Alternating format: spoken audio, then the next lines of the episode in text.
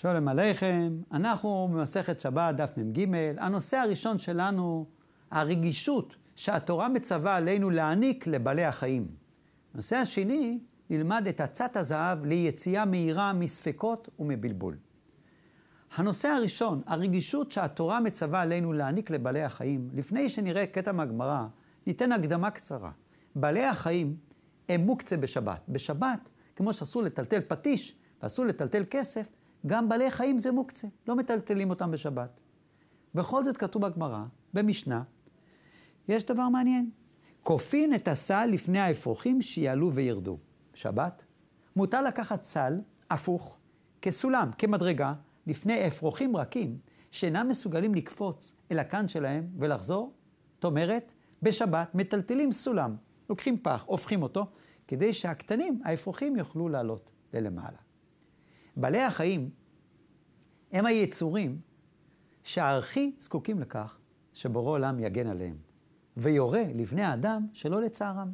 הצדיק רבי שמשון רפאל הירש, מגדולי הדור הקודמים, אמר שגם להם, לבעלי החיים, כמו לאדם, יש תחושות ויצרים. אך הם כפופים לאדם בגופם, בכוחותיהם. בקלות שוכח האדם כי בעל חי הוא רגיש לפגיעה בגופו וסובל מהתעללות בו, מרעב ומצמא, ממאמץ יתר וממחלה. וכך קורה שאדם יכול להתנהג שלא כראוי עם בעלי החיים האמורים לשמש את האנושות. לא רק שאסור לצער בעל חי, גם צריך לעזור למנוע צער. לשום בעל חי אסור לצער, אסור לצער, וגם צריך לחוש לעזרתו של בעל חיים הסובל, אפילו שלא באשמתך. זאת אומרת, לא אתה גרמת, אבל אל תשב מן הצד. יש מצווה לסייע. הסבא שלנו, סבא יעקב אבינו, היה לו היסטוריה בנושא. הרי היה לו אח יקר מאוד, עשיו הרשע, שרצה לרצוח אותו. יעקב הצדיק, לא הייתה לו ברירה. האבא והאימא, יצחק ורבקה, אמרו ליעקב, בן ידיד האהוב שלנו, תצא, תברח, תצא מהארץ, לדוד, לחרן, האח לבן הארמי, האח של האימא רבקה, עד שאחיך עשיו יירגע. כתוב בתורה, יעקב הלך בכאב.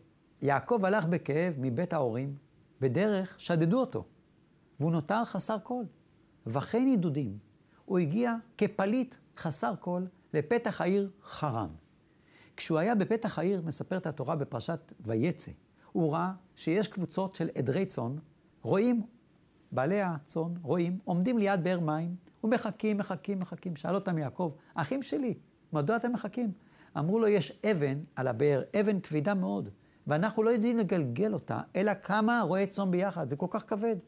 אמר להם יעקב אבינו, אבל מה עם הצער של בעלי החיים שיושבים פה? אתם כבר שתיתם בבית, ויש איתכם שתייה, רחמנות על הכבשים ועל העיזים. אור החיים הקדוש אומר, שזה מה שכאב ליעקב אבינו. הוא ניגש אל הבאר, ולבד הצליח להרים את האבן הכבד. היה זה נס שהשם עזר לו להרים אבן כבדה כל כך.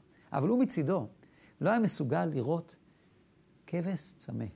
ולכן הוא אמר, אני אעשה הכל כדי לעזור.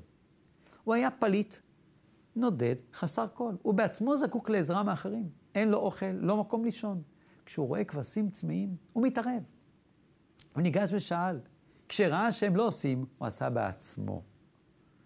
גם במלאכת השבת, שאסור לחלל שבת ואסור לטלטל בהמה, כאשר יש בהמה שמצטערת, יש הלכות מקילות שנוהגות בה, כמו באדם חולה שאין בו סכנה, שיש כל מיני דברים שהתירו. אם לאדם יש לו כאב, הוא לא בסכנה. יש גם הלכות בדיני בעלי חיים. צריכים לדעת שלב האדם אינו יכול להיות מחולק מחלקות מחלקות. אם הוא רחמן, הוא רחמן. אם הוא אכזר, הוא אכזר. לא ייתכן שאדם ינהג באדישות בבעלי חיים והוא יוגדר כרחמן. כי לב האדם הוא אחד. אם הוא מסוגל לפתח אדישות מוצר של כבש או ציפור, הרי הוא מרגיל את עצמו להיות אדיש לסבל של אחרים. זה מחלחל והוא הופך לאדם שאדיש לצער של הזולת. כיוון שבורא עולם אמר לבן אדם, תהיה רגיש. זה דוגמה שהתורה אומרת, שהתורה היא תורת חיים. זה כלים כיצד להיות אדם טוב יותר, לא רק בפעולות ספציפיות, אלא באישיות, להיות איש טוב יותר. יש סיפור מדהים מהארי הקדוש, שמופיע בספר הקדמון קו הישר, שאומר דבר, משהו מדהים. שהיה סיפור ביהודי, שהיה תם וישר, שהוא התאכסן אצלו, הארי הקדוש בא אליו להתאכסן, ועשה היהודי כבוד גדול לארי הקדוש. בטרם נסיעתו של אותו איש, הקדוש הארי ז"ל אמר לו, אני רוצה לשלם לך, שאתה נתת לי חיבה, הראית לי חיבה, אני רוצה לשלם. אמר היהודי, כבוד הרב, זה בשבילי זכות, אבל אם הרב רוצה לתת לי משהו, יש לי בעיה קטנה. אני רוצה לזכות שאשתי תזכה להביא את הדור הבא. היא הכרה. אולי יהיה לנו תרופה כדי שהאישה תביא את הצאצאים, שיהיה לה זכות להביא את הדור הבא. אמר רי הקדוש, אתה רוצה לדעת מה הסיבה שהיא הכרה? דע לך, שהיה סולם קטן עומד אצלך בבית, שהיו התרנגולים קטנים עולים ויורדים לשתות מים בכלי, ששם יש את המים. והיו שותים ומרבים את צימונם. פעם אחת אמרה אשתך למשרתת, שתיקח את הסולם.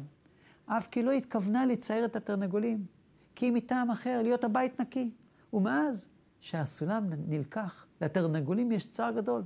אינם יכולים לפרוח, כי הם עדיין קטנים. הצמאון גדול, וצפצוף שלהם עלה לפני בורא עולם המרחם על כל מעשיו, ונגזר עליה להיות הכרה.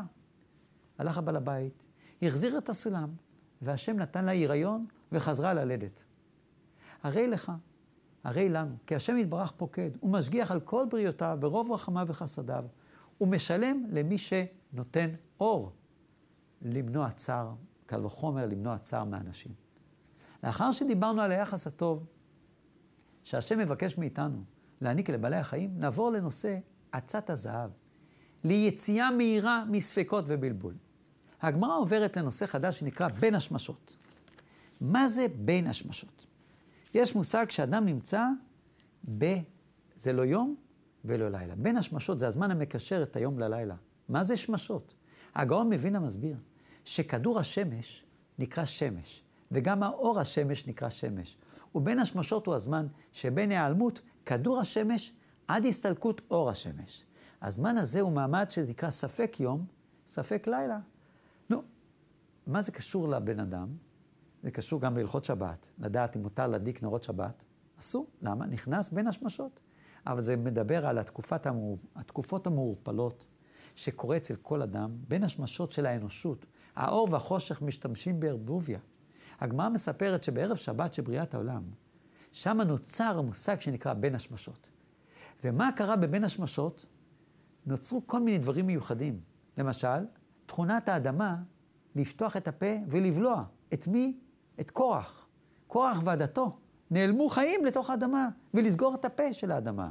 למשל, מה נוצר בבין השמשות? הבאר של מרים, שהלכה עם העם היהודי במדבר במשך עשרות שנים. וזה היה בעצם מקור המים לשתות. מה עוד נברא בבין השמשות כתוב בגמרא? המזיקים, השדים. אמר הצדיק רבי מאיר שפירא מלובלין, שיסד את הרעיון של הדף היומי, אמר, מה זה נקרא מזיקים נבראו בבין השמשות? אז הוא מסביר, בין השמשות מסמל חוסר בהירות. אדם שנמצא במצב של ערפול, טשטוש וחוסר בהירות, זה מתכון להיווצרות של בעיות. לא טוב לחיות במצב של ספקות, שאדם לא יודע מה קורה. מומלץ לחתור להחלטה, לקבל החלטה, לא להישאר באי בהירות. ההתלבטות והחיבוטים לא מיטיב עם הנפש, ולא מניבה דברים טובים. צריך לאדם להתפלל, בורא עולם, תן לי את הכוח לחתוך עניינים, להתייעץ עם חבר, לקבל החלטה. ככה הוא עוזר לעצמו, והעצה לכך הוא פשוט, אם אדם יש לו ספקות, הוא צריך מיד לחפש דרך, ממי אני מקבל עצה נכונה? מקבל הכרעה וללכת לנושא הבא. להחליט ולא להשאיר את זה ככה. איך אדם קורא לבת שלו? יש לו ספק. יש יהודי, הולך לרבי. יש יהודי, כמובן, קודם מתייעצים עם האישה, עם ההורים. מסופר שהחזון איש פעם קיבל יהודי שבא לשאול את הרב, כבוד הרב, איך לקרוא לבת שלי? אמר לו החזון איש, דבורה. אחרי זה, שאלו המקורבים של החזון איש, למה דבורה? אמר להם החזון איש, אני אגיד לכם את האמת. אין פה שם מיוחד שרציתי, רק ראיתי דבר אחד, שלהשאיר אותו בלי תשובה, הבן אדם הזה יהיה לו איסורי נפש. זאת אומרת, יש פה סוד. אתה יכול לעזור למישהו, אפילו שאין לך תשובות, שהם מי יודע מה, אבל העיקר לתת לו כלי שלא יישאר עם הספקות, כיוון שזה דבר שגורם לבן אדם קושי. לפעמים קורה שמישהו שואל אותך שאלה שהיא נראית מצחיקה, מה אתה אומר? השרוול של החליפה שלי ארוך מדי. אתה מסתכל ואתה אומר, הרגע עכשיו, זה מה שמעניין אותך עכשיו. טראמפ מפציץ את המפקד האיראני, והחמאס שולח טילים שש... ויש שיטפונות בכל העולם, וזה מה שעכשיו אתה בא. אל תחשוב שזה דרך לענות לו כך. אתה צריך להיכנס לנעליים שלו. הוא צריך עזרה שמישהו יחליט עבורו. הוא צריך מישהו שיעזור לו. אם אלוקים נותן לך נפש יציבה ורוח איתנה לקבל החלטות, אל תזלזל באלה שאין להם את התכונה הזו. הפוך, תעזור להם. תעשה דברים טובים עם המתנות שקיבלת מאלוקים. יש לפעמים גברים שאינם מכירים במשמעות ההתלבטות של האישה שלהם, כשהיא באה לשאול אותם על הצבע של הבגד, או על איזה בגד יותר מתאים.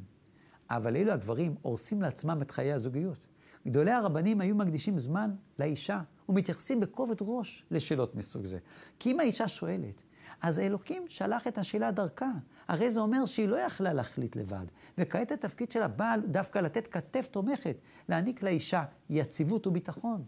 והבעל הזה, שלא מעניק, אז מה הוא עושה? וכשהוא כן מעניק, הוא מעניק ביטחון לעצמו. הוא לא נותן לאישה, הוא נותן לעצמו, והיה לבשר אחד. אם היא יציבה, הוא יציב. עם מי אדם רוצה לחיות? עם אישה שלא בטוחה שהבגד שהיא לובשת מתאים לה? או ליד אישה שאין לה את השמחת חיים? אז כשהוא תומך בה, הוא תומך בעצמו. ואותו דבר, גם בתפקיד של האישה, לתמוך, לתמוך בבעל. יש אנשים רבים, בחוץ הם גיבורים גדולים, עושים עסקים, מנהלים חברות, בתוך הנפש פנימה, הם זקוקים למישהו קרוב. שיגיד לו, אתה עושה נכון, אתה אדם טוב, אני מעריכה מה שאתה עושה. מגיע כזה בעל הביתה, וכעת המילים של האישה, זה מה שקובע איזה יום יהיה פה. אם היא מזהה את הצורך של הבעל במילות עידוד ותמיכה, והיא נותנת לו בשפע, ורק היא יכולה לתת את המילים האלה. היא בונה את הכאן המשפחתי, וזוכים לחיים מאושרים. שנזכה אחד לתמוך בשני, כמו שכתוב בחז"ל, שצריך לכנס אשרי משכיל אל דל. מגיע אליך האביון, לפעמים הוא לא רק צריך את הכסף, הוא צריך את היחס. גם אם אין לך כסף, תן לו את הכוח להבין שהוא לא מסכן, שהוא חזק, שיש בו יכולת להאיר את העולם, ודווקא האביון הזה, במילים האלה, מקבל חיים ששמחה, והוא בונה גם את המשפחה והדורות הבאים שלו בזכותך. תודה רבה.